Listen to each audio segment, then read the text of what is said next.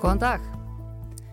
Helstið er komið í gang eftir sumarfrí, annar þáttur setni hluta þessa ágetis árs 2023 er nú að hefjast.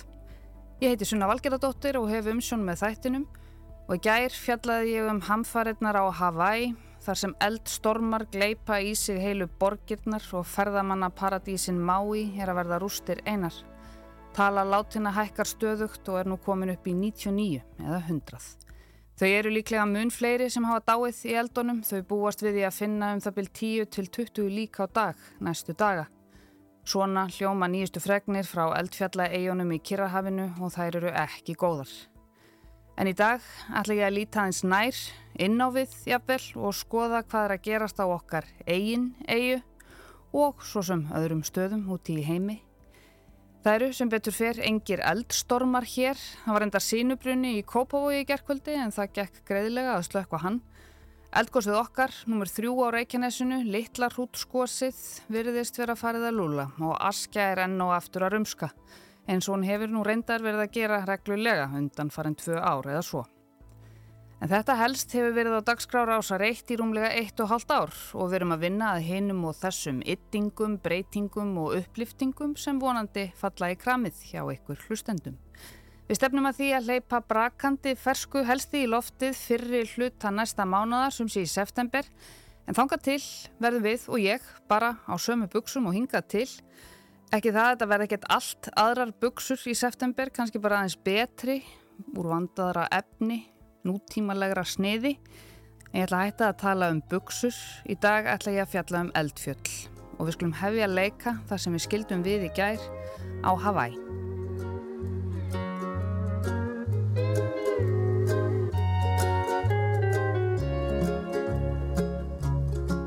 Ef þú ert á leið til Stóru eigu, Big Island á Hawaii, þá er líklega einn fyrsta spurningin sem þú vilt svarið við.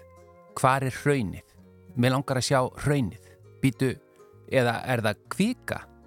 Í fyrsta lagi, já, yfirleitt er það hraun sem þú ert að leita að, hraun, lava. Lava er allt gumsið sem kemur upp úr eldfjallinu á yfirborðið og á Hawaii eru tvær bragtegundur í bóði, Pahoho og Aa. Þú getur lesið meira um hrauntegundirnar tvær á Hawaii á jarðfræðisíðun okkar. En ef það er enn inni í eldfjallinu og ekki komið upp, þá heitir það kvika. En hvar eru þessir raunströmmar? Til að svara þeirri spurningu þurfum við að spyrja Pele og það fer allt eftir því hvernig hún er stemt. Pele er hafaíska eldfjallagiðjan og skapgerð hennar getur verið nokkuð dindótt. Madame Pele er mjög óútreiknanleg. Eldfjalla þjóðgarðurinn á Hawaii er opinn allan sólarhingin, þannig að möguleiki á að sjá glóandi hraun er nokkuð góður. Það er að segja, þegar eldfjallið er að gjósa. Leitaðu bara að rauða bjarmanum. Svona hljómar ein helsta túristasíða Hawaii, þar að segja svo undir síða sem fjallar um eldfjöll.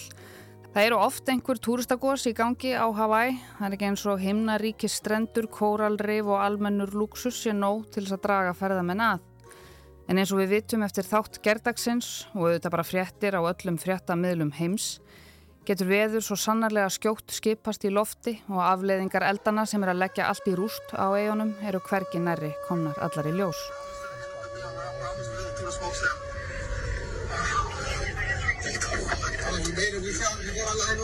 Oh my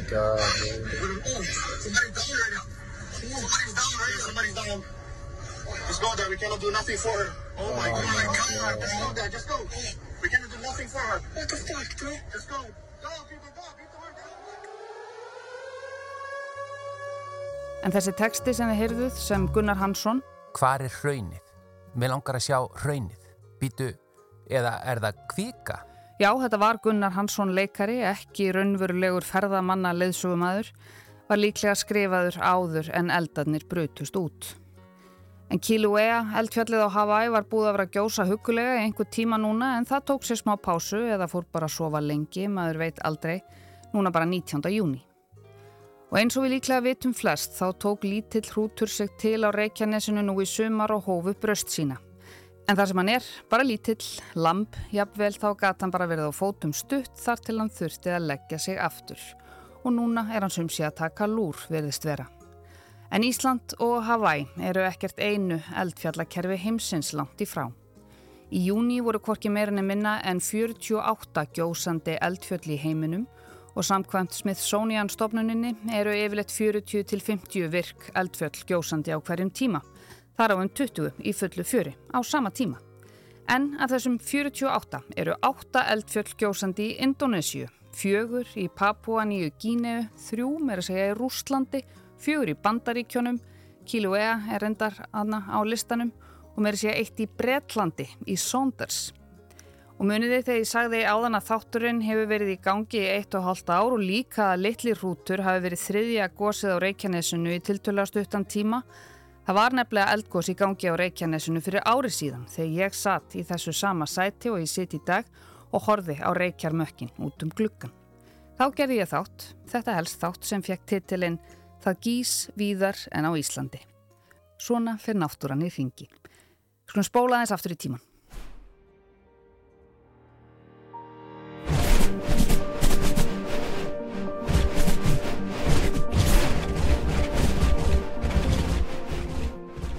Í dag er mánudagurinn 8. ágúst 2022 og það eru um það byrj 25 eldfjöll að gjósa í heiminum á þessari stundu. Einungis eitt gís hérna á Íslandi en sex eru spúandi til dæmis í Indonésiu. Það meira að segja eldgós í gangi á Suðursköldslandinu.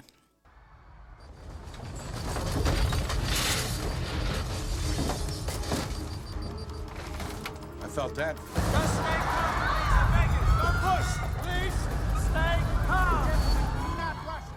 Þó að við Íslandingar skilgreinum okkur eðlilega sem eldfjalla þjóð, búandi á þessu landi ís og elda og allt það, erum við svo sannarlega ekki eina landið í heiminum sem býr yfir þessum mikla og óutreiknanlega náttúrukrafti undir yfirborði jarðar. Við höfum vissulega átt nokkur frægós, kannski helst það sem kom hérna 14. apríl 2010. Eldgós hófst í Eyjafjallajökli í nótt. Það er markvallt stærra en gósið við Fimmörðaháls.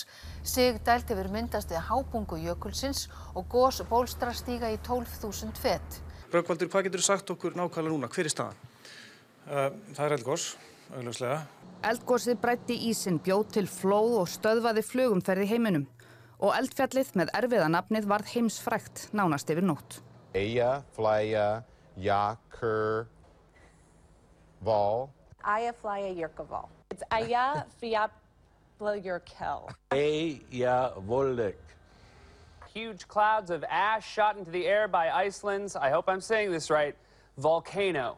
Eldgósið í Eyjafjallajökli stóð yfir í rúman mánuð og síðan þá höfum við fengið nokkur góð gós en Faradalsfjallið í fyrra var líklega það allra vinsælasta enda aðgengilegt með endemum og streymt frá því beint allan sólarhingin. Og svo var það líka ekki þetta skrýmsli sem bæði Eyjafjallajökull og Vatnajökull gáttu reitt fram. Þetta var rævill jafnvel. Það sem við erum að horfa á er bara ótalum rævill og, og, og, og þetta uh, er góður í gangi núna í, í hvað, tvo halvan tíma. Bara svona uh, í, í fegurðarskinni, er þetta ekki doldið laglegt yfir að líta? Í, svona höngos er alltaf mjög svona dignaleg en, en þetta er nú uh, ekki stórt. Saði Magnús Tumi Guðmundsson, jarðæðilisfræðingur úr þyrluflugi í símaviðtali við flissandi Brotta Brottason kvöldið sem það byrjaði að gjósa í Faradalsfjalli í fyrra, 19. mars. Sævar Helgi Bragarsson, stjörnusævar, skrifaði greina á kjarnan í síðustu viku þar sem hann svaraði nokkrum frekar algengum spurningum eins og hvað ætli eldgós mengi mikill og til hvers að draga úr losun gróðrhúsalofthjöfunda þegar eitt eldfjall gís og eidilegur allt innan gæsalappa. Að þessu spyrja margir, skrifaði Sævar. Eldfjöllin eiga ekki minnsta séns í okkur mennina. Eldgóðs þau hætta nefnilega og þá stöðvast mestur hluti losunarinnar þótt afgösun eigi sér staði tíma og eftir. Menn bara bæta í bálið sitt. Við þurfum að hætta því hið snarasta. Mannkinnið losar árlega hundrað sinnum meira af CO2 en öll eldfjöll heims, gjósandi og dormandi. Mannkinnið er þá aðeins þrjá sólarhinga að losa jafn mikið af gróðurhúsaloftegundum og öll eldfjöldjarðar gera á heilu ári. Þegar Eyjafjallajökull gauðs árið 2010 nam losunin um 150.000 tonnum á dag. Til að jafna mannkinni þyrtu ríflega 600 Eyjafjallajökulskos að standa yfir dag hvern allt árið. Hefðum við áhyggjur af stöðu mála eða væru ríflega 600 eldgós stöðugt í gangi samtímis ár eftir ár, skrifar Sævarhelgi. Svo standa eldgós oftast stutt yfir. Bálið sem við brennum til þess að knýja samfélagið er hundrað sinnum stærra en öll heimsins eldfjöll og stendur stöðugt yfir, dag eftir dag, ár eftir ár, áratugum saman. Mannkinnið er búið að raska náttúrulegri ringráskólefnis með bruna jarðefna eldsnetis. Það eikur gróðurhúsa áhrifin. Aukinn gróðurhúsa áhrif breyta loftslæginu til hins verra fyrir okkur. Þetta var fyrir ári síðan og er eiginlega bara nánast enn í gildi. En svo ég haldi áfram að tengja eldgóðsinn okkar við hörmungarnar á Hawaii þá er kannski ágætt að ymbra á því sem ríkistjórin Josh Green sagði í viðtali í vikunni varðandi eldstormana. It was a fire hurricane and I want to warn the entire planet about this, all of America and all of the world. We were experiencing very, uh, very dry conditions, drought conditions because of global warming, which is obviously very real for us here and everywhere. Við getum líklega prísað okkur sæl hér á Íslandi. Stóru deilumáli núna varandi umhverjusmál sem snerta okkur pöpulinn þá helst í Reykjavík heyrast mér vera flækjustegi sorptunnumálum, lífrænt, pappir og plast. Yfirfullir grendargámar eru líka valda vandræðum og svo í stærra samhengi, reyndar töluvert stærra samhengi, eru losunarheimildirnar en þær eru efni í annan þátt. En við skulum halda okkur á jörðinni, ofan í jörðinni, á Íslandi og í nútímanum. Askja.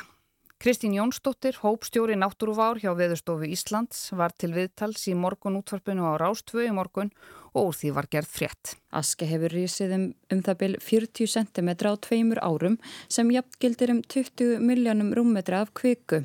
Kristín segir þetta vera langtíma undirbúning en fyrir síðustu gósi í ösku hafi skamtíma merkin verið mjög skýr þrátt fyrir að búnarun hafi ekki verið narrið því að góður og í dag samt nógu góð til þess að mann áttu þess á því að þarna var allt færð að hristast og skjálfa fyrir síðasta gós. Þannig að við meðum alveg búist til því að það sé til dæmis eitt merki sem að, að, að sé svona skamtíma e, viðverun e, og annað að jarðhytti á svæðinu jógst og bara jógst til muna þannig að það var reynilega nýjir hverir sem myndust í kjölfargossins. Þau merkja hafi ekki gert vart við sig ennþá þó að gígurinn víti við ösku sé heitari nú en áður í sömar. Í ösku getur orðið hraungós eða öskugós líkt og varði í eigafjallajökli. Eyjaflæja Jökull Eyjaflæja Jökull. It's Eyjafjallajökull. Eyjavollek. Það sem er algengara og það er með líklæra ef þetta verður hraungós Og ef það hraungos þá er það mjög óleiklegt að við nokkur áhrif á flugumferð, nokkur áhrif á nokkur í byggð. Þetta var frétt urðar örlegstóttur um ösku frá því morgun með smá bandarísku innskoti en það var mitt. Handbrað fréttin var ekki svona í fréttatímanum svo það sé á hreinu. En já, Askja. Við höfum alveg minnst á hana í þetta helst.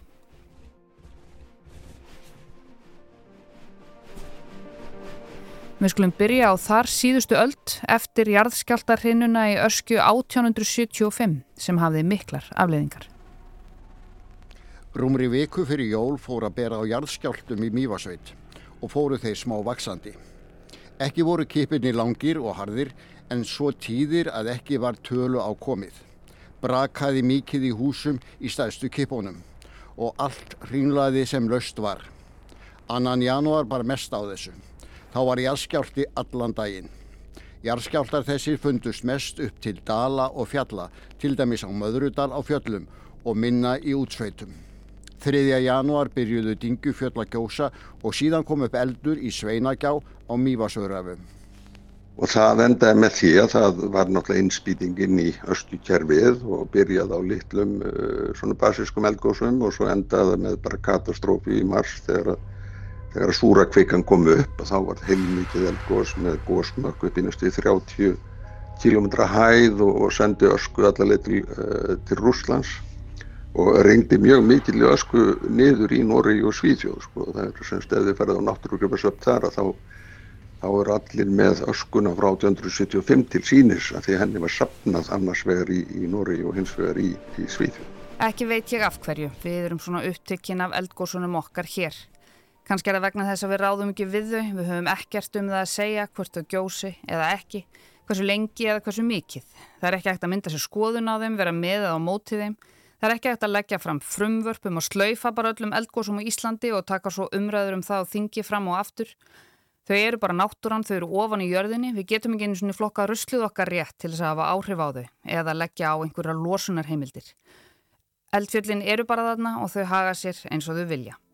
Kanski verður askja næst í rauðinni hjá okkur, kanski vaknar litli hrútur af blundinum sínum, ekki veit ég það, frekar en vísindamennir.